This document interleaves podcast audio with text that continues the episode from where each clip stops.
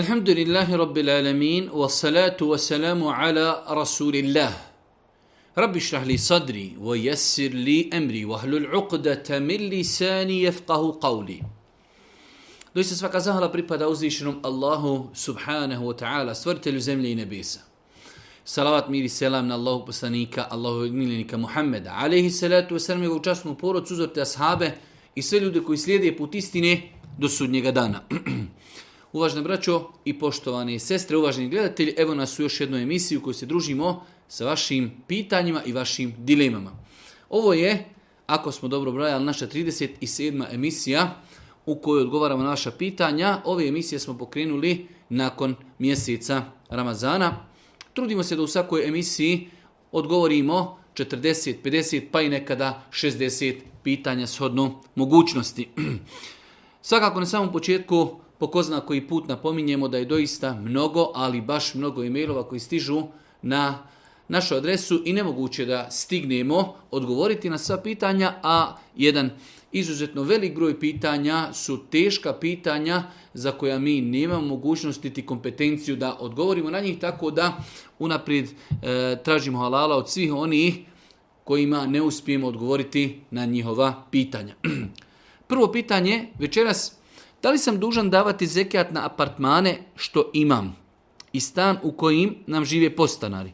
Mi ne imamo ušteđevine, nego taj novac trošimo za mjesečni razhode. Znači čovjek ima apartmane, ima stan koji grenta, uzima novac i od toga živi. Da li treba davati zekijat na e, apartmane ili na novac? Generalno, e, kad su u pitanju, kada je u pitanju kuća, kada je u pitanju nešto što se može isto tako rentati, čovjek ne daje zekijat na tu vrstu imovini kao nekretninu, već na novac kojeg ostvari. E sad taj novac koji se ostvari, ako ispunio na dva klasična standardna uvjeta da bi zekijat bio obavezan nekom insanu da dostigne nisab i da tako traje godinu dana. U ovom slučaju čovjek kaže da on nema nikakve ušteđevine, ono što novca uzme od tih apartmana i stana koji grenta, on to troši za svoje svakodnevne e, potrebštine, tako da u ovom slučaju čovjek ne ima obavezi izdvajati zekjat.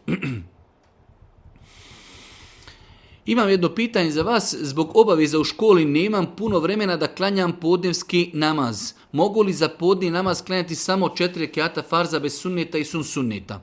Svakako, svakako. Mi dosta puta smo govorili o tome, znači kada su u pitanju e, djeca koja idu u školu, profesori, kada su u pitanju ljudi koji e, su na poslu, jednostavno u svim tim nekim situacijama u kojima čovjek nema vremena niti mogućnosti da klanja sunnete prije ili sunnete poslije farza, onda će samo klanjati farze jer su farzi nešto što je čovjeku stroga obaveza. Tako da nemojte dozvoliti sebi zato što ne možete klanjati sunnete da ostavite i farze. Farz je obaveza klanjati, a čovjek kada ima mogućnosti kod kući, u džami i na drugom mjestu, tada će klanjati i sunnete. Tako da e, ovoj osobi kažemo obaveza je odvojiti vremena da se klanjaju četiri rekiata podnevskih e, farza, a ako Bog da sunnete se mogu klanjati e, drugom prilikom kod kući, u džami i tako dalje. Tako da e, svi oni koji idu u školu, e, radnici u prosvjeti, u bolnici ili na bilo kojem drugom mjestu, znači pozivamo ih da se organiziraju i da na poslu kada klanjaju, ako nemaju vremena, ako imaju vremena to je nešto drugo, ali ako nemaju vremena onda da klanjaju samo farze jer je to ono što im je strogo naredio njihov gospodar. Dvojim, dvoumim se oko jednog pitanja, naime imam nije tovaviti umru ali ne želim primiti vakcinu zbog ranih oboljenja, karcinoma, anemije i tako dalje. E mene zanima da li neko drugi može urati umru za mene. Allah vas nagradio. Islamski učinjaci kada govori o takozvanom bedeluku, da neko za nas obavi hađ ili da neko obavi za nas umru. Pa kažu da postoje dva uvjeta. E, prvi uvjet je da se može obaviti za osobu koja je umrla, za nju se može obaviti ako nije obavila hađ ili umru.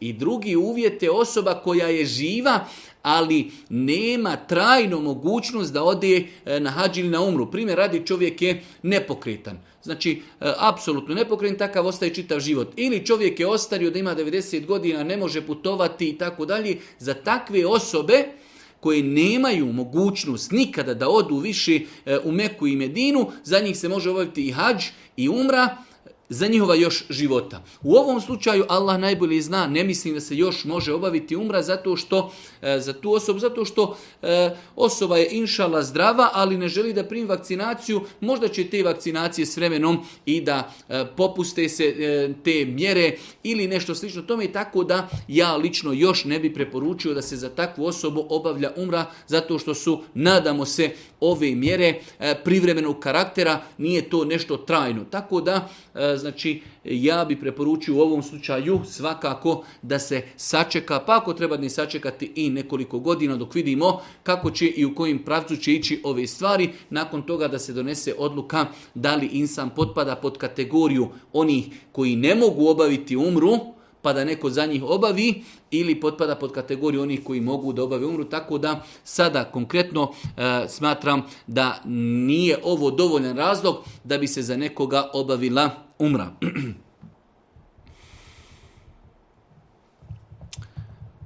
Interesuje pitanje širijetskog vjenčanja. Upravo sam vas e, slušala da općinsko vjenčanje bez prisusta i pitanje staratelja da li daje čirku nije validno. Pa me zanima da li je širijetsko vjenčanje validno bez prisusta i pitanje staratelja da li daje čirku ali sa prijedhodnom dozvolom oca prije vjenčanja. Eh, Allah najbolje zna. Znači pitanje je da li je validno šerijatsko vjenčanje u kojem smo mi došli da se vjenčamo, ali tu nema staratelja niti ima neko ko zastupa staratelj njegovu dozvolu. Ali prije toga smo dobili saglasnost staratelja. Allah najbolje zna, ja se ne bi poigravao sa takvim pitanjima. Ako staratelj ne može doći na vjenčanje, onda ima u islamu nešto što se zove opunomoćenje. Neka opunomoći neku osobu koja će doći na vjenčanje i kada bude se vršilo venčanje, osoba koja vrši venčanje, kada bude pitala e, da li e, taj i taj daje saglasnost, onaj koji je opunomoćen kazat će ja u ime tog čovjeka, njenog staratelja, njenog oca, daje im saglasnost da se ona može udati za tog i tog. Tako da e, treba da bude saglasnost staratelja ili da on bude tu prisutan ili da oponomoći nekoga ko će doći tu i ko će prenijeti njegovu saglasnost. Imam pitanje vezano za izvođenje iz vjeri. Da li može neko druga, da li može neka druga osoba izvesti nekoga iz vjeri? Na primjer, u svađi supružnika suprug opsuje Allaha, te kaže supruzi da ga je ona izvela iz vjere jer ga je isprovocirala da to kaže. Allah najbolje zna, neispravno je ovo što kaže ovaj čovjek. Žena ga naljutila, pa on opsuje Boga i onda kaže zbog tebe sam izišao iz vjere. Neispravno je to ubjeđenje. Čovjek vjernik treba da se kontroliši, da pazi šta govori, a ako je već opsovao, onda on snosi odgovornost svega toga. Tako da ne kažemo mi ovdje e, ko je u pravu, možda je doista žena naljutila čovjeka, možda je s pravom bio ljut, ali nema pravo u toj ljutin da opsuje Boga i znači nema još više pravo da kaže ti si kriva što sam izišao iz vjere jer me ti naljutila.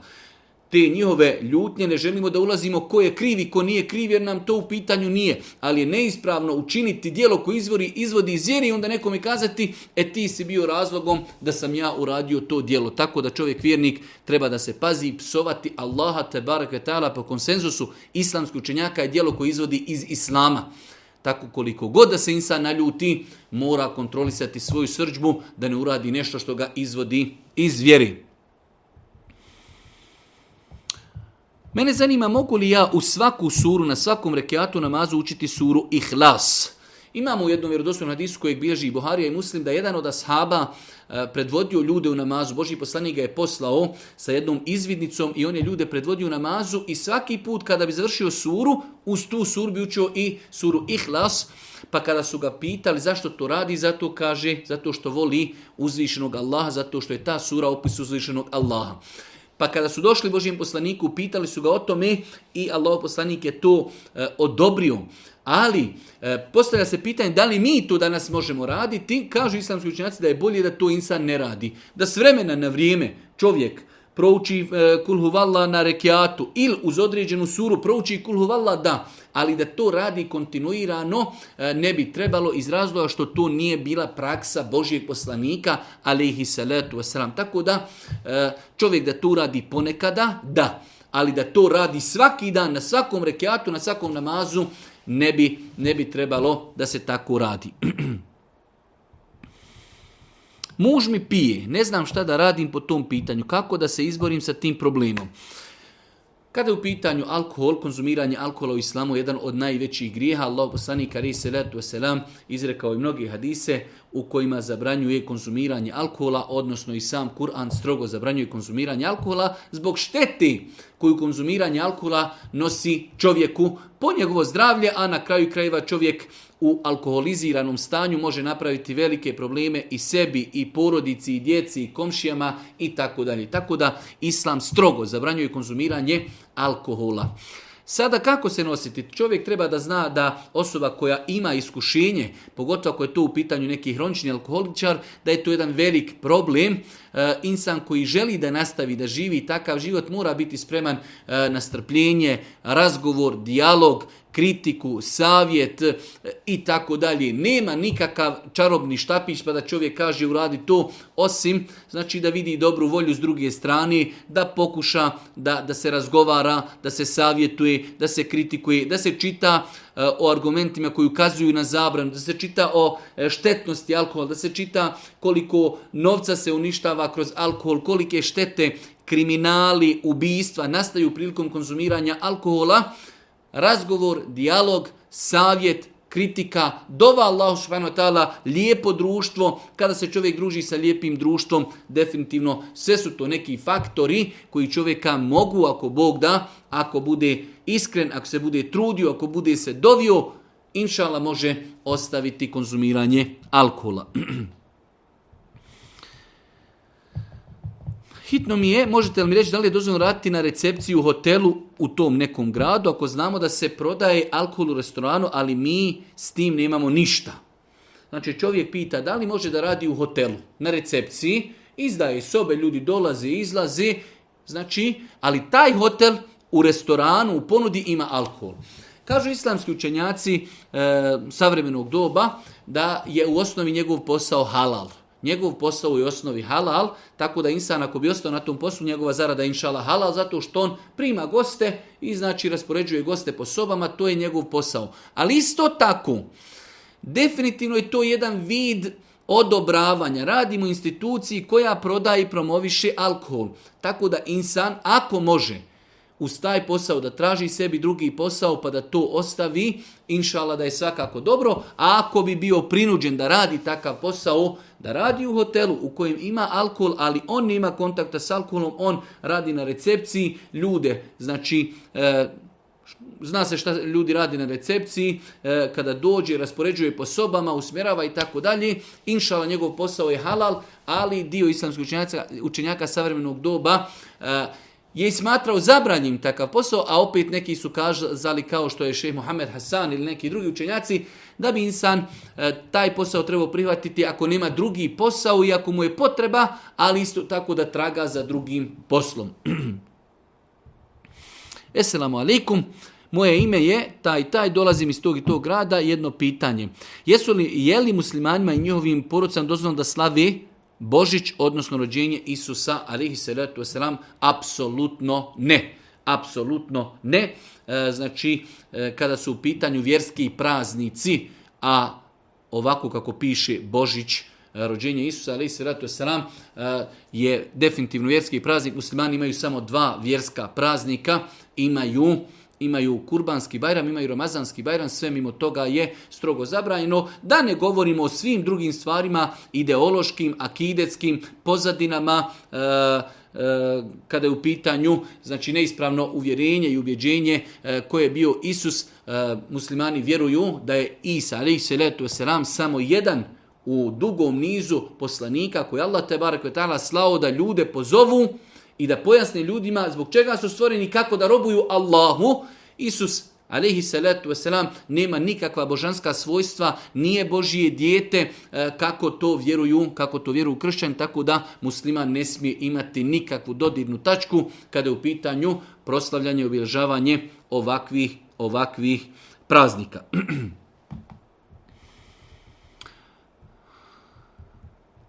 Moje pitanje vezano za menstruaciju. Tačnije, zanima me da li ima neka, neka prepreka ili bar vaše mišljenje o tome kako odlagati menstrualni otpad. Jedna sestra navela je malo duži eh, e-mail gdje ona navodi da ju teško pada, da ona menstrualni otpad, uloške i nešto slično, to mi baca u smeće gdje će to poslije biti nekim deponijama i tako dalje. Ona je to uništavala na jedan svoj svojstven način. Eh, nema nikakve smetnje u tome krv e, eh, mjesečnici, hajza, znači je nečista. Krv mjesečnici. Hajza je nečista po konsensu islamskih činjaka, tako da e, menstrualni otpad, ulošci ili krpe ili šta već e, ko koristi kako bi e, zaustavio ispriječio i ublažio krvarenja, sve te stvari nema nikakve smetnje kao što su spomenuli islamski činjaci u svojim knjigama i svojim fetvama, da insan to baci u smeće i nakon toga da to bez obzira gdje će završiti, jer je to u osnovi nečistoća.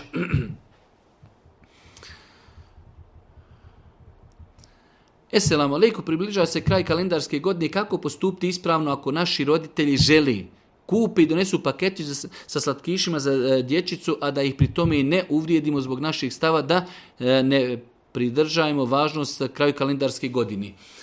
U svakom slučaju, islamski učenjaci su dozvolili e, konzumiranje, odnosno prihvatanje poklona u ovakvim situacijama, tako da Eh, insan treba na blag i lijep način da pojasni roditeljima, kaže mi to ne obilježamo, to nije naše, to nije muslimansko, mi nemamo ništa sa tim, ali ako već su donijeli nešto i ako će ih vraćanje tog poklona eh, naljutiti i možda čak, eh, hajde da kažemo, nekada može biti razlogom, sodno opet mentalitetu ljudi, ali može biti razlogom kidanja rodbinskih veza, može biti razlogom da više ne dolaziti, da netjedno održavati vezu sa svojim djetetom, sa svojom unučadi, tako da e, lagano im pojasniti da e, ne očekuje se od njih to da mi to kao poroce ne obilježavamo, to nije muslimansko, muslimani nemaju ništa sa novom niti hijđetskom, a i niti kalendarskom godinom, ali ako već donesu neki poklon, da se to djeci da i da to oni pojedu ako Bog da duboko se nadamo da je to dozvoljeno da pojedu, da konzumiraju, svakako da se dječici pojasni e, da su to donijeli e, djed i nana, da ćemo mi to prihvati, ali mi kao muslimani ne obilježavamo ničim novu godinu. Mene zanima, možete li mi pojasniti da li se smatra istim grijehom blud sa tuđom ženom uživo ili preko kamere bez fizičkog kontakta? Znam da je grijeh oboje, ali me zanima je li veći grijeh uživo e, ili preko kameri. E, ne znam, bojim se da nisam razumio dobro pitanje, ali ako je u pitanju da čovjek ima blud, direktan kontakt, spolni e, odnos sa nečijom ženom i da ima kontakt sličan takav preko kamere i da vidi on nečiju ženu i da možda ona njemu se pokazuje, on njoj, da li je to isto, ako je u pitanju ovdje baš riječ blud, Znači, ako se time baš misli intimni kontakt, normalno da nije isto, oboje je grije.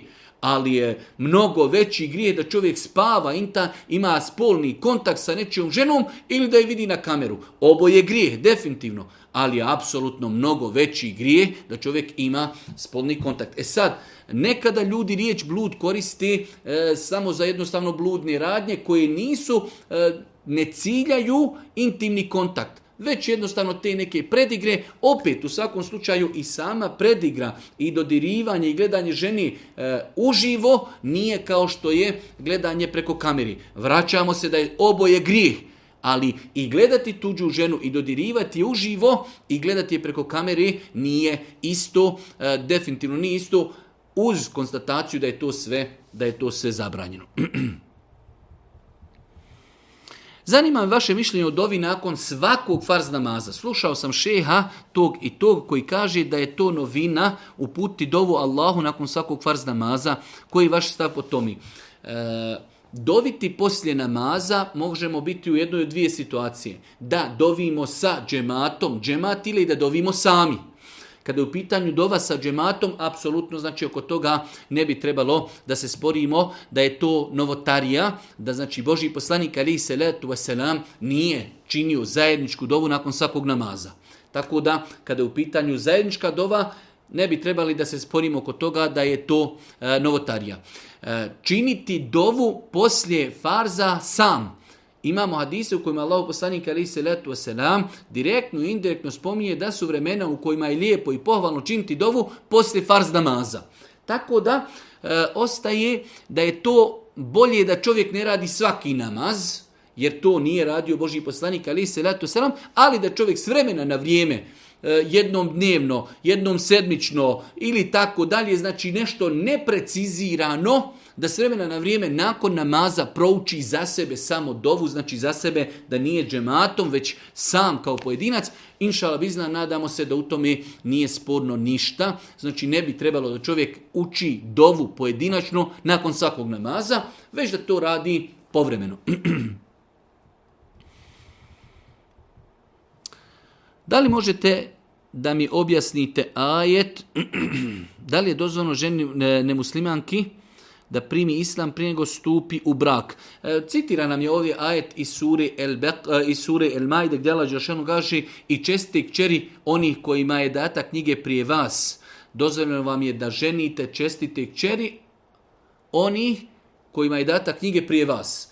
Pa je pitanje, znači, mora li žena kršćanka ili židovkinja, jer to je termin ehlul kitab, židovi ili kršćani, morali primiti islam da bi sudala za muslimana?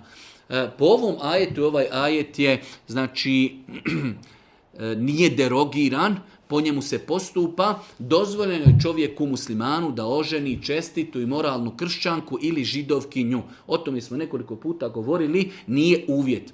Ja lično sam stava e, da je bolje sačekati i bolje razgovarati sa tom osobom pa da je čovjek oženi, a ona primila islam. Zato što može doći u praktičnom životu do velikih problema i mnogih trzavica zbog različitih potrebe pogleda na mnoga pitanja kada je u pitanju e, situacija kada čovjek oženi ženu nemuslimanku, znači kada se kaže nemuslimanka misli se konkretno samo na kršćanku i židovkinju, mimo toga muslimanu nije dozvoljeno ženiti nikakvu nemuslimanku osim ove dvije vrste, e, židovkinju ili kršćanku, ako su moralne, muslimanu je dozvoljeno da oženi. Ali islamski učenjaci to nisu preporučivali iz razloga što sutra kada se rode djeca, Čemu će ta žena odgajati djecu e, ako ona nije mogla spoznati Allaha te barak kako će tu djecu odgojiti? Sutra dolazi do, do pitanja halal ishrani, e, putovanja, mora, izgled, hijab i mnoga druga pitanja, tako da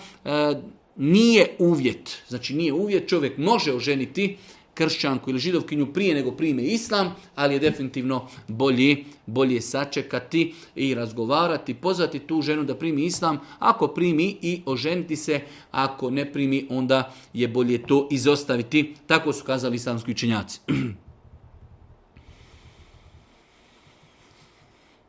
Imamo dva pitanja od iste osobe i često se svađam sa suprugom i ona me lako i brzo iznervira i znam dosta puta reći neke implicitni, dvosmisleni riječi koje mogu značiti razvog, razvod.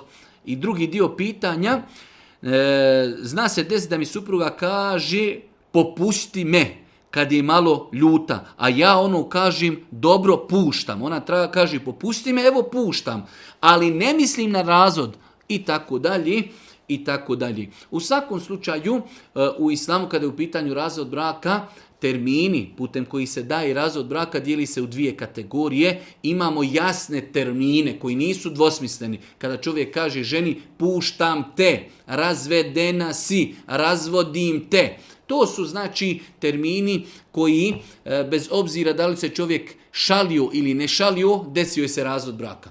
Za razliku od termina u kojima čovjek u kojima čovjek kaže nešto dvosmisleno, kao kada kaže ženi idi malo kod svojih idi malo kod svojih, to može značiti ili kod svojih, puštena si, a isto tako može značiti idi malo kod svojih dok se ohladimo pa ćemo poslije razgovarati o svojim problemima. Pa kada su u pitanju e, jasni termini, u takvom slučaju razvod braka se desio. Ako su u pitanju dvosmislene riječi, tada se propis vraća na namjeru čovjeka.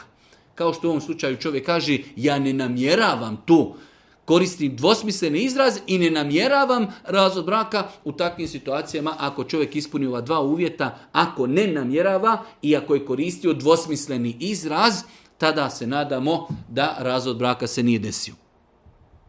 Svakako uz napomenu da se ne treba zezati sa brakom i ne treba se poigravati sa tim terminima. E, znači, brak je mnogo ozbiljnija stvar da bi se čovjek poigravao sa riječima razvoda, pa poslije dolazi u nesigurnost da li je to jednos, je, znači jednosmislen ili dvosmislen termin, da li smo razvedeni, da li nismo, koliko sam puta kazao, bez obzira što može doći do trzavica, da može doći do e, problema, ali razvod braka treba da bude hladne glavi, u srđbi, da bude po sunnetu Božijeg poslanika u momentu kada čovjek nije intimno općio sa svojom suprugom u čistoći, Znači jednostavno da čovjek hladni glavi svjesno daje razvod, a ne da to bude u srđbi, u ljutnji, dvosmisleno, jednosmisleno i tako dalje. Jedno pitanje pokušat ćemo ga definisati općenito kako se ne bi razumjelo o kome se radi. U svakom slučaju jedna žena se javila, e, navodi da je ostala mlada bez oca, nakon toga se udala, ali njena majka danas ima kontakt sa jednim čovjekom, e, kontakt, intimni kontakt, a nije se za njega udala, pa je ona savjetuje, a njena majka je e, arogantna, neprivata savjet, pa sada pitanje kako se ponašati u takvoj situaciji. Ono što, što možemo kazati za ovu situaciju i mnoge druge situacije jeste da nama ne preostaje ništa drugo osim savjet. Islamski činjaci kažu, osim u nekoj varijanti, a to su veoma rijetke varijante, kada čovjek e, bojkotuje nekoga kako bi jednostavno svojim bojkotom postigao znači tragove i efekat, rezultate da insan ostavi taj grijeh zato što ga neko bojkotuje. Ali koliko vidim da to nije u ovom slučaju situacija, tako da ovoj e, ženi, našoj sestri, kćeri od te njene majke koja ima e, van bračni kontakte sa muškarcima čini blud i nemoral, ostaje da je savjetuje, ostaje da e, čini prema njoj dobročinstvo, da je obilazi, da održava rodinske veze i da je savjetuje. To je ono što insan može da dovi Allah subhanahu da je, e, da je uput i napravi put, to je ono što insan može, ništa više od toga. Da li je u islamu zabranjeno da ili da li ima išta sporno u ženitbi rođaka i rodice. U mom slučaju četvrto koljeno. Mnogo puta smo mi govorili o ovim nekim sličnim pitanjima. E, kod nas postoji e, jedno veliko pravilo, ne smije se ženiti rodbina nikako, što je generalno gledajući neispravno generalno gledajući je to neispravno, e, mi ne želimo da ulazimo u detalje, e, ne želimo da e, govorimo pojedinačno određenim pitanjima, ali generalno gledajući da se nikako ne može uzimati rodbina, makar bila evo kao što je ovo četvrto koljeno, znači to je neispravno ubjeđenje prema islamu daljnja rodbina se može uzimati. Da li će se neko uzeti ili ne, da li će mu to njegovi dozvoliti ili ne, kako će to oni izvesti, to je drugo pitanje. Ali generalno gledajući, Kur'an nam je pojasnio e, vrste, kategorije žena koji ne možemo e, ženiti. Nakon toga sve što nije spomenuto je e, dozvoljeno. Allahu poslanik ali se letu veselam svoju čirku Fatimu svoju čirku Fatimu dao je za Aliju. Alija radijallahu anhu je bio Amidžić Božijem poslaniku. Mi imamo to neko ubjeđenje, Arapi žene rodbinu i tako dalje. E, moramo paziti samo da ne uradimo nešto, da ne negiramo neki propis u islamu moramo paziti da ne negiramo propisu islamu, znam da je osjetljiva tema, zato ne želim o njoj da pričam, ali je neispravno ubjeđenje da ne možemo ženiti nikakvu rodbinu, makar to bilo neko deseto koljino. To je neispravno ubjeđenje, insan treba da zna koje su vrste žena koje islam zabranjuje da se ženi, ostale su dozvoljene. E sada, da li će neko ženiti određenu osobu ili neće, kako će to oni izvesti, to je neko drugo pitanje. U ovom konkretnom slučaju četvrto koljeno dozvoljeno je prema pravilima Islama oženiti. E sada, da li će se oženiti ili neći, kako će to prihvatiti njihova rodbina, njihovi roditelji, to je drugo pitanje. Moje ime je taj i tan. E, se, se sa jednim komplikovanim pitanjem i tako dalje. Aha. E, radi se o osobi čija supruga se porodila, i kada je krenula kući, e, znači dali su joj, zamotali su joj njenu postelju, posteljicu, jel se tako kaže posteljicu, i e, pupčanu vrpcu, zajedno su joj to za, zamotali i dali joj da ponese kući. Znači šta sada čovjek može da uradi sa tom posteljicom i sa pupčanom vrpcom? Znači insan je se javio i malo u brigama i ne zna kako da se ponaša s tim. Nema nikakve smetnje da se to zakopa u zemlju. Znači generalno pravilo E, sve nešto što ima kontakt sa ljudskim tijelom pa se odstrani od ljudskog tijela, da li je to amputiran dio, znači tijela, noga, ruka, prst ili nešto slično tome, pa čak i kada režimo nokte, pa čak i kada sjećemo, e, kada e, se šišamo, sve te stvari, jedan od načina odlaganje takvih stvari jeste da se zakopaju u zemlju, da se malo zakopljaju dublje kako ne daj Bože ne bi došlo e, da, da to životinje otkopaju, i da to jedu ili da onaj e, dođu do toga. Tako da kada je u pitanju posteljica, kada je u pitanju pupčana vrpca, nema nikakve smetnje da insan znači u nekom prostoru gdje, gdje ljudi ne hodaju, da iskopa rupu, da to zakopa i on je ako Bog da time e, uradio ono što je trebao da uradi.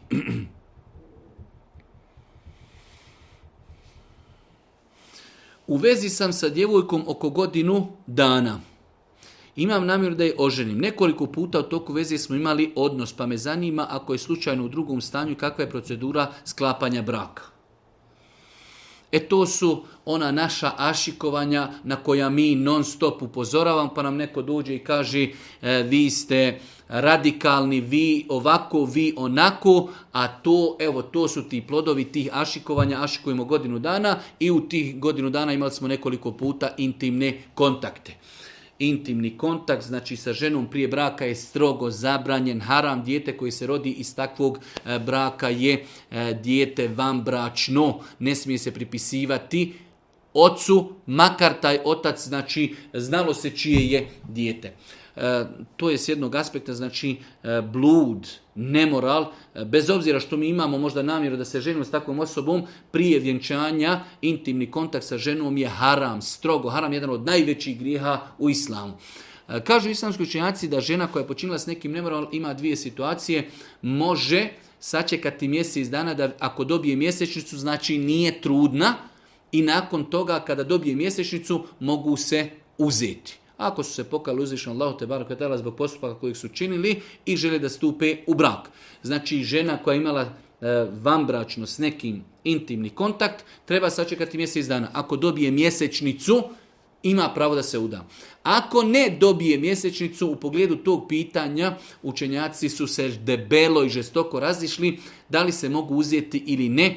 Allah najbolje zna, bolje je sačekati, bolje je sačekati da žena rodi dijete, i nakon toga da se uzmu, ali to dijete koje se rodi prema ogromnom mišljenju učenjaka, većinskom dijelu učenjaka, to dijete se pripisuje majci, a ne ocu, bez obzira što se zna komu je otac. Ima jedno mišljenje e, jednog malog dijela učenjaka koji kažu ako niko drugi ne tvrdi da je otac tom djetetu, taj njegov otac, znači osoba koja je počinila nemoral, žena se porodila, znači sve to je bilo, a oni nisu bili u braku. I ako niko drugi ne tvrdi da je s tom ženom spavo i da je to njegov djete, on ima pravo da ga e, pripiše na sebe i da se to dijete vodi kao njegovo dijete. U svakom slučaju e, ima mnogo detaljisana u pogledu tih pitanja. Svakako naš savjet je osoba koja je ozbiljna, želi da stupa u brak, treba da to riješi na ispravan šerijetski način,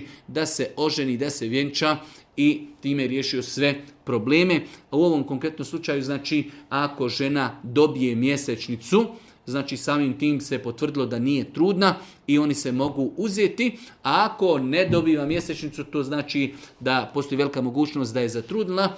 Kada se porodi, dijete se pripisuje majci, a mogu nakon toga stupiti u brak. Da li u islamu dozvoljeno zarađivati na mijenjanju valuta, konvertibilne marke u eure i slično tome? nema smetnje, kažu islamski učenjaci, da nema smetnje da čovjek radi eh, i da zarađuje putem eh, prodaje valuta, s tim što je obavezno napomenuti kada je u pitanju prodaja valuta, da se mora obavljati kupoprodaja iz ruke u ruku. Ne može čovjek nekome reći, evo, prodajem ti 100 dolara i on kaže, e, dobro, daj mi dolare, sutra ću ti donijeti ja to u konvertibilnim markama. Ne. Ako nema uza se para, idi kući, dođi sutra, pa kad dođeš ja ću ti e, to dati. Znači, uvjet za validnost kupovine valuta jeste da to bude iz ruke u ruku dok su ljudi zajedno, znači zajedno se druži, zajedno sjedi, ali ne smije znači čovjek reći evo ti 100 eura pa dođi za sahat ili dođi za dva ili dođi sutra, to je znači strogo zabranjeno vid kamati. Tako da čovjek koji se bavi e, prodajom valuta treba da poznaje taj propis. Znači nema smijete da se čovjek bavi prodajom valuta i da na taj način zarađuje, ali treba da se upozna s propisima prodaje valuta, da je obaveza da je obaveza prilikom prodaje valuta da se desi iz ruke u ruku. Ja tebi 200 eura, daj ti meni toliko u protuvrijednosti u konvertibilnim markama odma.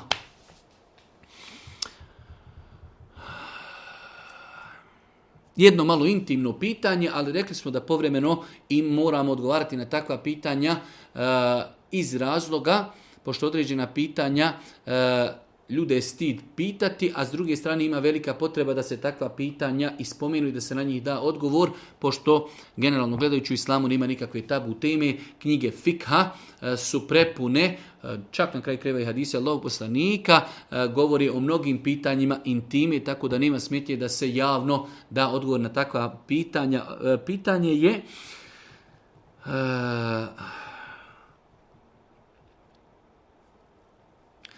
ako bi se desilo da čovjek e, se naslađuje sa tijelom svoje supruge i supruga sa tijelom svoga muža u periodu dok je ona u hajzu i ako oni dožive e, orgazam, da li su napravili neki šerijatski e, prekršaj. E, Allah poslanik ali se ratu sram vjerodostojnom hadisu kaže isna'u kulle shay'in illa nikah.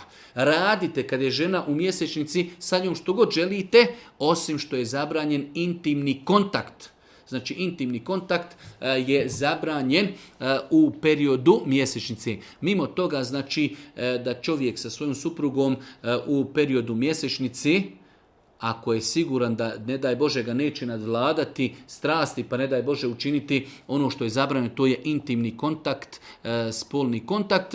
Nema smjeti da se čovjek e, znači e, zabavlja, da se, da se naslađuje tijelom svoje supruge i supruga sa tijelom svoga muža, pa i makar to uzrokovalo znači orgazam ili ejakuliranje sjemena. Nema u tome, ako Bog da ništa sporno, sporno je u islamu kada je u pitanju tima samo dvije stvari. Zabranjeno je spolno općiti sa ženom, znači intimni kontakt u mjesečicu, e, u periodu mjesečice i zabranjeno je znači e, da čovjek spolno opći sa ženom u analni otvor. To su te dvije stvari koje su u islamu zabranjene.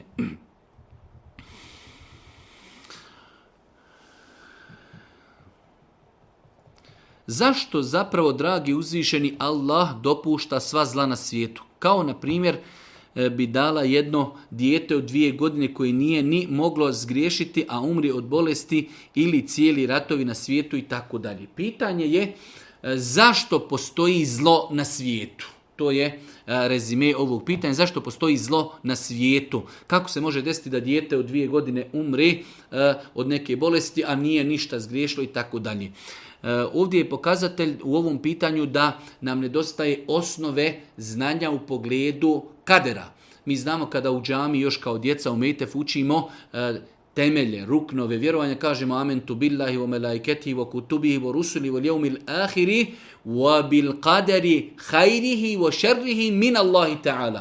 I mi vjerujemo u kader, ali koji? Hajrihi wa šerrihi i odredbu dobra i zla min Allahi ta'ala, da je to sve od Allaha. E, tako da, e, to je pokazatelj našeg nepoznavanja temeljnih pitanja vjerovanja. E, ne može se ništa na planeti desiti bilo dobro ili loše, loše kroz našu prizmu gledanja, a da to nije znači uzvišenje Allah subhanahu dozvolio i dopustio. E, druga stvar, uzvišeni Allah je El Hakim, mudri.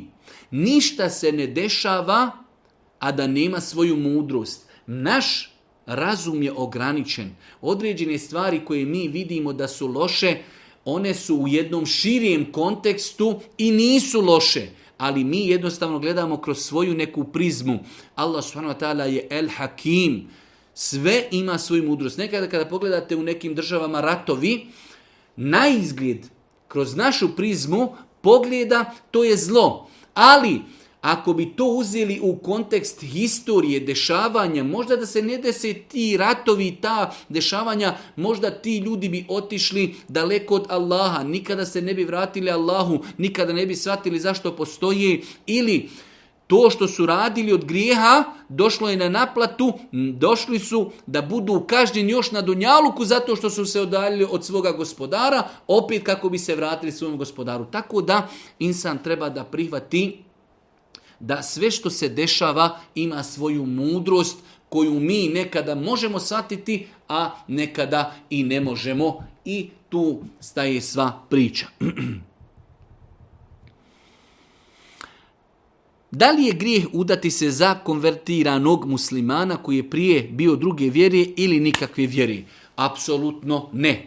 Apsolutno ne. Ako insan je bio druge vjeri, pa primio islam, vratio se iskreno Allahu te barek ta'ala, svakako e, svojim ulaskom u islam postaje jedan kao i svi ostali drugi muslimani, inne kramekum inda Allahi kakum najbolji, najplemenitiji među vama su oni koji se Allah najviše boje. Tako da s tog aspekta nema nikakve smetnje. Sada ostaje taj moment e, različitih podneblja, različitih običaja, različitih mentaliteta. Da li je dobro da se Bosanka uda za Arape, da li je dobro da se Arab e, oženi Bosankom, da li je dobro da Bosanac oženi Arapkinju, da li je dobro da se Turčin ženi iz Malezije, da li je dobro da se Malezijici žene sa Afrikancima, da li će se oni naći u svemu tome, da li ta osoba koja je konvertira možda je bila, eh, ne znam, evo rećemo u Americi, Engliji, sada želi da oženi ženu iz Njemački, da li, da li su njihovi mentaliteti slični, kako će živjeti, to je nešto drugo, ali generalno s aspekta islama, osoba koja uđe u islam,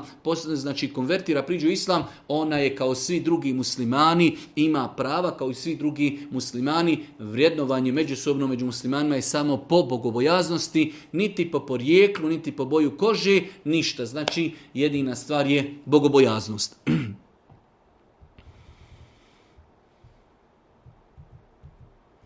Kada se obavlja namaz u džematu, šta sve klanjači treba izgovarati i učiti ili je dovoljno samo početni tekbir? E, početni tekbir je obaveza, sve drugo se e, izgovara, rekli smo da osim, osim kada su u pitanju namazi u kojima imam uči na glas na prvom i drugom rekiatu kao što je sabah, jacija, tada čovjek neće učiti ni fatihu, niti će učiti suru. Mimo toga, sve znači što je propisano u namazu, čovjek će učiti kada klanja u džematu, osim znači u sabahu, akšamu i jaci na prva dva rekiata ne uči fatihu i ne uči suru, sluša učenje imama. Je li ispravan abdest ako se prilikom uzimanja e, abdesta dijelovi tijela peru više od tri puta? Allah poslanik ali se letu selam jedne prilike jednom e, beduinu, Arapu, pokazao je kako se abdesti, pa mu je pokazao i opravo svaki dio po tri puta. Nakon toga je Allah poslanik kazao e, hakeza zada ala hada faqad esa'a wa ta'adda wa Ovo je, kaže, abdest, potpun abdest. Ko nešto doda na ovo, uradio je tri stvari. Esa'e, uradio je loše. Ta'adda, prekoračio je granice. Wa zalem, i učinio je nepravdu. Pazite, Boži poslanik za dodavanje nešto prilikom abdesta izgovara ovakve e, riječi da je to loše, da je to pretjerivanje i da je to nepravda. Tako da e, neispravno je e, prati neki dio tijela prilikom abdesta više od tri puta. Znači maksimalno može se prati jednom, dva put ili tri puta. Više od toga je jasno zabranjeno hadisma Božih poslanika, se to sram. Ako putujem za Bosnu iz strane zemlje u posjetu poroci Planiramo ostati sedmicu dvije. Kada stignemo dole u Bosnu, da li ćemo klanjati namaz normalno ili ćemo ga skraćivati čitavo vrijeme? Shodno gdje idemo. Ako čovjek iz Njemačke ide za Bosnu i u Bosni ima svoju kuću, onda je on samo musafir u periodu e, putovanja iz Njemačke do Bosni. Onog momenta kada dođe u svoje selo i u svoj grad, on prestaje biti musafir.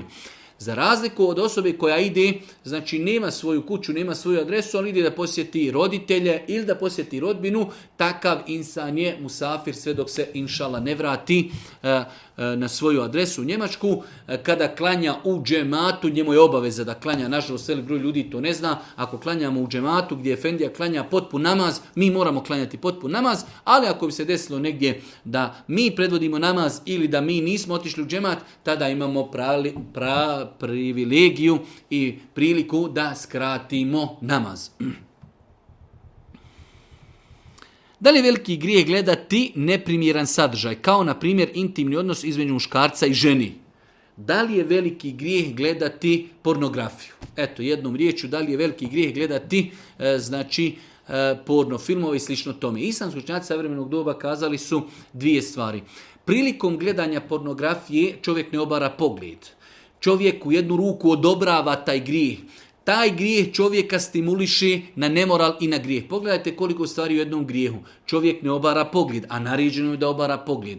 Čovjek gledanjem nemorala gubi stid. Čovjeka to podstiče isto na nemoral. Čovjek ne negira ono što je vidio. Zadovoljan je time. Sve te stvari, zbog svih tih stvari učinjaci su kazali da je to veliki grijeh po nekoj opciji kada bi rekli i mali je to grijeh gledati, ne daj Bože, nemoral, ali kazali su islamski učenjaci po jednoj izjavi Ibnu Abbasa, mali grijeh ako ga ponavljamo prerasta u veliki grijeh. Tako da čovjek ako gleda e, e, porno film, koliko puta je gledao e, loše scene, samim tim on je opet upao u veliki grijeh, tako da gledanje pornografije je definitivno zbog svih stvari koje čovjek krši prilikom e, tog gnusnog čina, svakako da je to veliki grijeh od kojeg čovjek treba da se čuva, ako ga je eventualno i uradio, da se istinski pokaje uzvišenom Allahu. 29. pitanje ovo je jedna iznimka koju ćemo ako Bog da sada urati, više nećemo, a to je e, želio bi da čujem vaše mišljenje e, da nam kažete nešto više o šehu Jusufu Barčiću rahmetullahi alihi.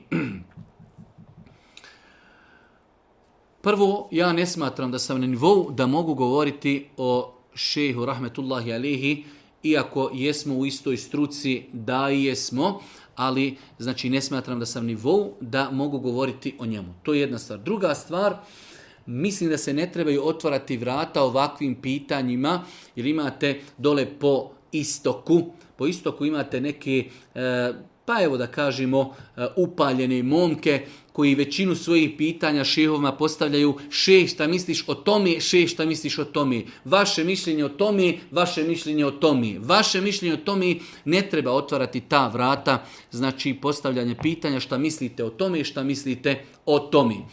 Ali pošto je šeh i Alehi e, pozitivna ličnost i pošto je šeh već preselio, nema smetnje da se o njemu e, kaže nekoliko riječi. Prva stvar, ja sam rekao da definitivno ne smatram da sam kompetentan da o tome govorim.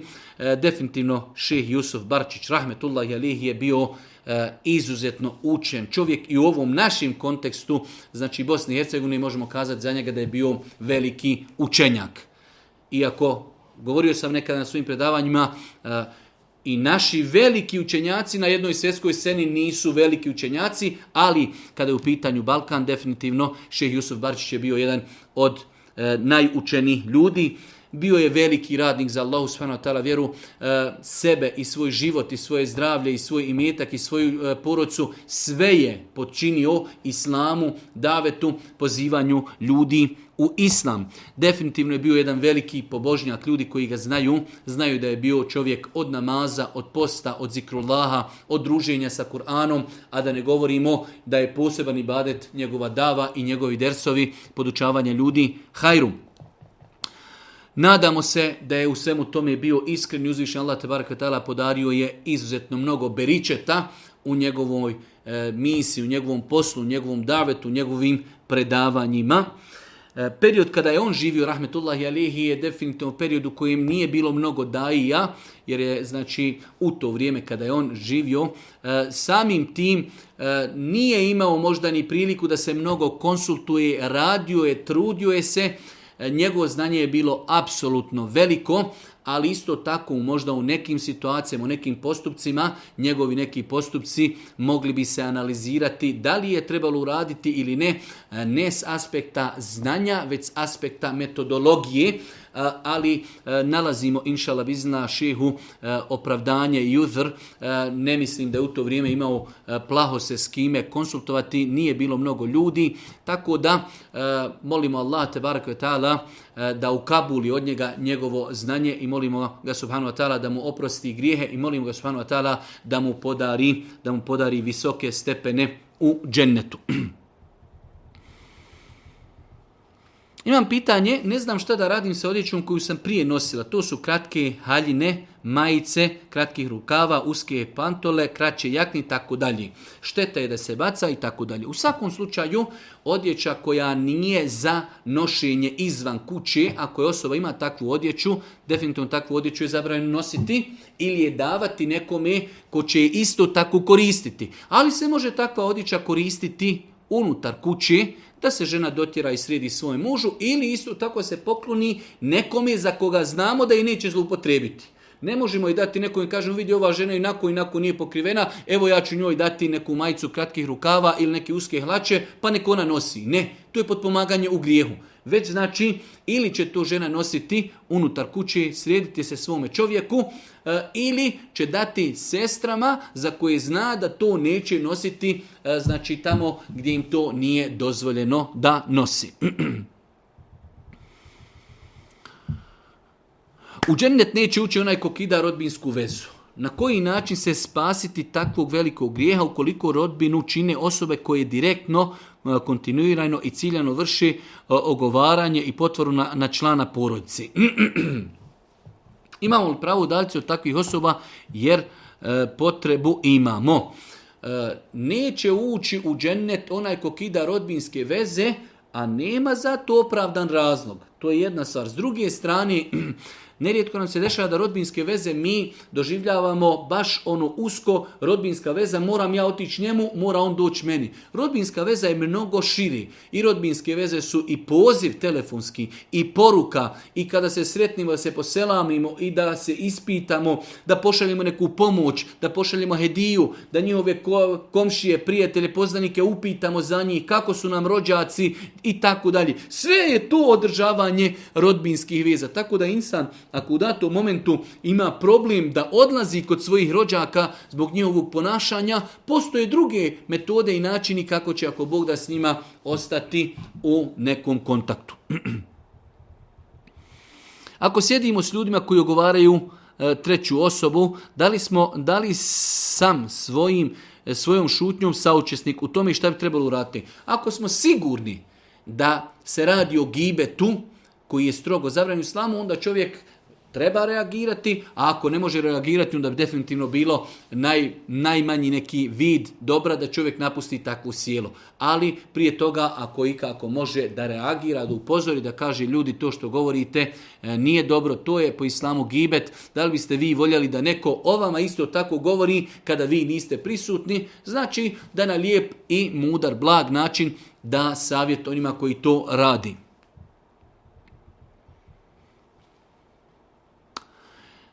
Još jedno pitanje koje se opet vezuje za intimu, e, čak u Bosni, a isto tako i u arapskom svijetu, e, web sajtovi su, ajde da kažemo, prepuni dosta je puta, e, postavljaju se pitanja islamskim učenjacima i ljudima koji imaju kompetenciju da ih ljudi konsultuju. Imate ljude koji daju šerijatske fetve, ali isto tako imate ljude koji su otvorili svoja vrata, svoga znanja i mogućnosti da se ljudi obrati sa konsultacijama, pa ljudi dosta puta eh, kada je u pitanju brak pitaju za problem eh, prije vremene ejakulacije. Znači imate bračne drugove gdje muškarac ima problem da jednostavno znači e, intimni kontakt sa suprugom traje svega nekoliko momenata e, gdje muškarac doživi znači prije vremenu ejakulaciju. E, vremenom to može nositi veliki problem. Možda je nekima to i smiješno, nekima je to čudno da se o tome govori, ali ako imate primjer radi čovjeka koji živi sa suprugom 2, 3, 5, 7, 10 godina i čitav život žive na takav način gdje možda e, intimni kontakt traje nekoliko sekundi ili manje ili više, e, gdje je druga strana i te kako oštećena, znači njene, e, njene intimne potrebe nisu nikako ispunjene, gdje može to odvesti do mržnje, gdje može odvesti da ne daj Bože se žena oda grijesima i mnogo drugih stvari, zato mi o ovakvim pitanjima i govorimo. Šta je rješenje u ovakvim situacijama? Pa imamo nekoliko stvari. Prva stvar, e, nima smetnje i može se na internetu naći korisni medicinski članaka koji govori o ovoj tematici. Na bosanskom jeziku može se naći znači više korisnih e, medicinskih savjeta, stručnih osoba, kako se mogu poduzeti određeni, e, e, određeni koraci, kako se ovaj problem može ili ublažiti ili riješiti totalno. Pa imamo, znači, E, mogućnost da pročitamo nešto na tu temu i da to praktikujemo.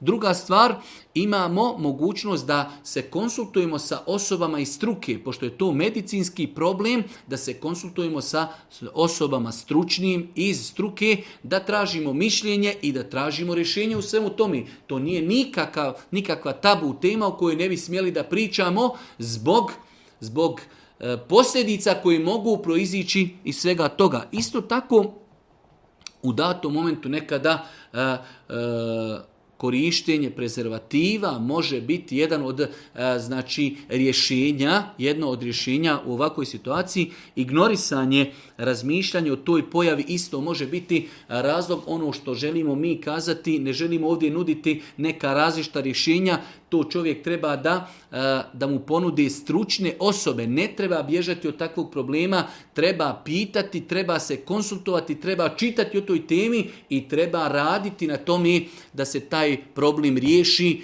To je kao i svaka druga bolest, ima rješenje, zato treba samo se potruditi, treba tražiti na halal dopušten način da čovjek riješi taj svoj problem.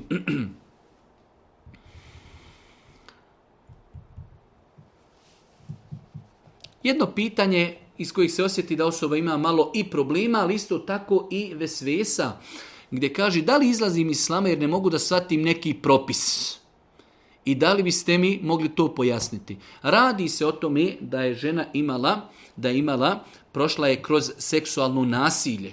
Jednostavno ima problem e, sa tom pojavom, pa onda smatra kako s jedne strane islam zabranjuje ženi da odbije svoga muža kada ga pozove u postelju, ali žena je prošla seksualno nasilje gdje ima, ima e, strahove od toga i sada se boji e, da li ona samim tim izlazi iz vjeri što ne može prihvatiti taj propis. Što je apsolutno velika greška pristup, takav pristup ovakvim pitanjima e, da u islamu generalno, generalno žena ne treba i ne smije zabraniti da odbije svoga muža kada je podzove u postelju. Ali to se misli u normalnim uvjetima.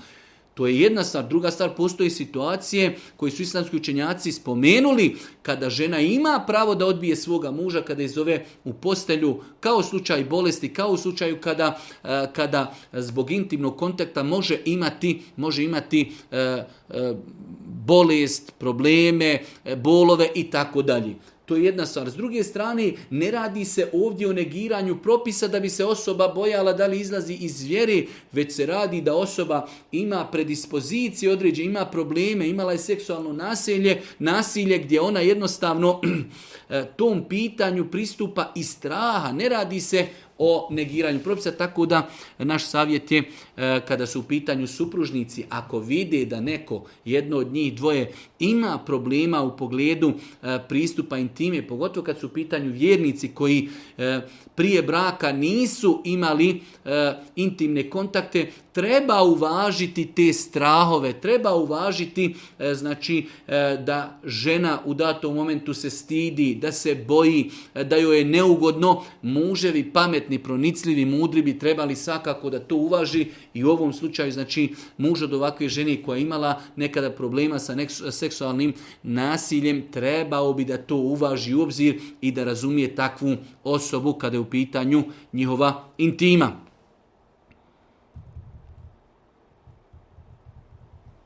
Ja uvijek klanjam pred ikindijski faz četiri rekiata na fili namaza e, odjednom. Je li griješim ili ne?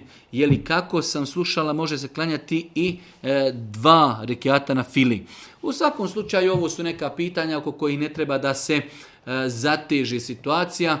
E, prije i kindije se može klanjati četiri rekiata, ta četiri rekiata se mogu klanjati dva po dva, mogu se klanjati i dva pa etehijatu, pa onda ustanemo na treći i na četvrti rekat, a isto tako može se i klanjati ko nema vremena, može klanjati samo prije kindije dva rekata. Tako da sve je to, inša eh, dozvoljeno ispravno, klanjati dva rekiata ispravno, klanjati četiri rekata ispravno, klanjati četiri rekjata sa jednim sjedinjem i sa jednim eh, selamom je ispravno, klanjati četiri rekjata dva po dva, to je možda neka najbolja opcija, ali i ostalo je, ako Bog da, ispravno. Zanima me za vitr namaz šta može se učiti ako ne znamo kunut dovu. E, sama kunut dova je prenesena u nekim hadisima u pogledu kojih postoji znači razilaženja, ali u svakom slučaju e, nema smetnje da se na mjestu kada se treba učiti kunut dova uči bilo koja druga dova, nešto što je potrebno nama. Tako da znači osobe koji ne znaju kunut dovu mogu na vitru da uče bilo koju drugu dovu.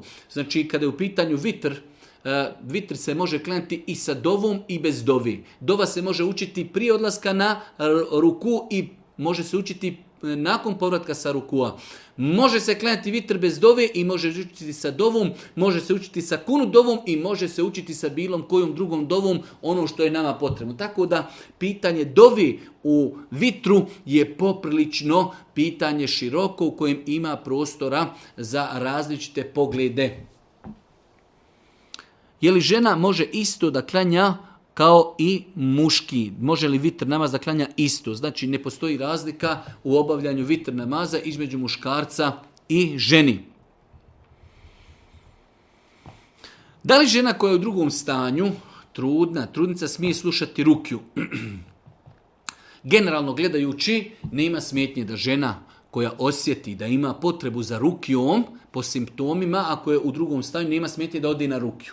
To je generalno pravilo, znači nema problema, ne postoji dokaz koji kaže žena koja je trudna ne smije ići na, na učenje ruke, ne postoji takav dokaz. Ali ako bi se desilo da žena ima reakcije, jer se zna desiti da osoba koja se uči rukja ima reakcije gdje nekada ljudi e, pravi različite pokrijete, trzaju, vrište, padaju u nesvijest u komu i mnogo drugih stvari, takve stvari bi mogle tjelesno zdravstveno utjecati na, na, na plod, može se desiti spontani zbog različitih grčiva, zbog različitih znači, pokreta, trzaja, ruku, nogu, padanja, unesist i tako dalje.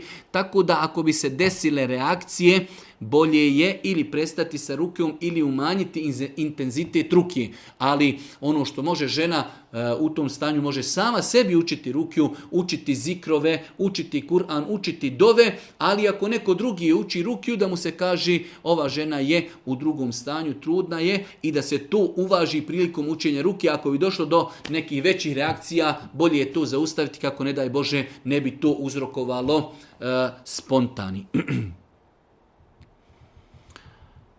39. pitanje, da li je uvijek prilikom abdesta potrebno detaljno ispirati nos? Imam slučaj gdje nakon čestog ispiranja nosa stvorim krastice unutar istog. E, ispiranje nosa po mišljenju velikog broja islamskog učenjaka je suneti pohvalno. Tako da e, može se objediniti između mišljenja i da to čovjek ispire, ali ne mora to biti neko e, jako ispiranje. Dovoljno je čovjek znači jednom uzme vode, da jednom malo ušmrkne i da isekne vodu i ako Bog da e, ispravan je abdest. A ako bi s vremena na vrijeme zbog e, ovakvih pojava i preskočio ispiranje nosa, inšala bizla njegov abdest je e, validan, ali eto, ako može da se ispuni neki minimum, da insan uzme malo vode, da malo ispere nos, da to isekne, inšala bizla definitivno je to bolji. I posljednje 40. pitanje, imam 30 godina, imam jako veliki problem sa onanisanjem i gledanjem pornografije. Nisam uspio da nađem srodnu dušu tokom svoga života i ovo mi je jedini način da se zabavim. Šta da radim, molim vas, pomozite mi. Znači, problem savremenog doba jeste odgađanje stupanja u brak, problem savremenog doba jeste pornografija, problem savremenog doba jeste onanisanje. E, mi smo čak o tome govorili, snimali videoklipove, pisali u knjizi Islamski priručnik bračnim time, imaju konkretni savjeti kako i na koji način e, ostaviti ove loše navike, ali evo nekoliko stvari. Prva stvar, e, bez obzira 30 godina, to nisu neke pozne godine da čovjek se aktivira i da pokuša naći sebi osobu za brak, znači jedno od najboljih rješenja za ostavljanje i pornografije i ostavljanje onanisanja jeste stupanje u brak.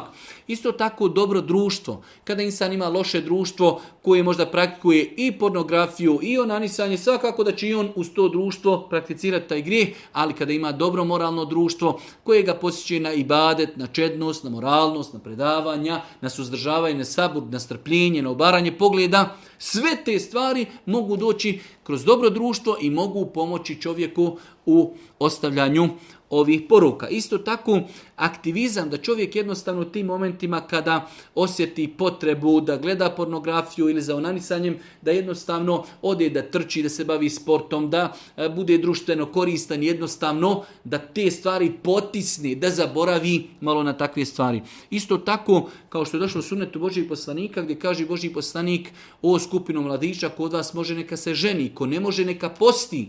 Iz ovog hadisa uzimamo da izrana i tekako znači e, djeluje na čovjeka. Insan koji gleda nemoral, ne obara pogled, koji se znači hrani, e, možda konzumira neka energetska pića i tako dalje. Svakako da to dodatno pobuđuje njegove strasti gdje čovjek treba da e, da vidi može li da posti, da malo umanji ishranu, pogotovo kada je u pitanju ta neka energetska hrana gdje definitivno to može imati veliki, velike poveznice sa onanisanjem. E, svakako čitati e, analize koji govore o štetnosti e, onanisanja, a sigurno ima dosta šteta koji proizilaze iz onanisanja, doviti Allah subhanahu da insana zaštiti, da sačuva, da mu olakša ostavljanje poruka i na kraju kroz ibadet, kroz post, kroz učenje Kur'ana, kroz namaz, kroz predavanja, da se čovjek okupira nekim interesantnim hajirli stvarima i badetima koje će ga odvesti od onoga što je zabranjeno. Allah te baraka ta'ala molim da nas učesti na putu istini, molim ga subhanahu ta'ala da nam bude milostiv na sudnjem danu, da nam podari korisno znanje, da nam olakša prakticiranje onoga što je e, naređeno, da nam olakša ostavljanje onoga što je zabranjeno. Na kraju subhaneke Allahumma bihamdike, ešhedu in la ilaha stakfiruke, wa etubu ilik. Ah.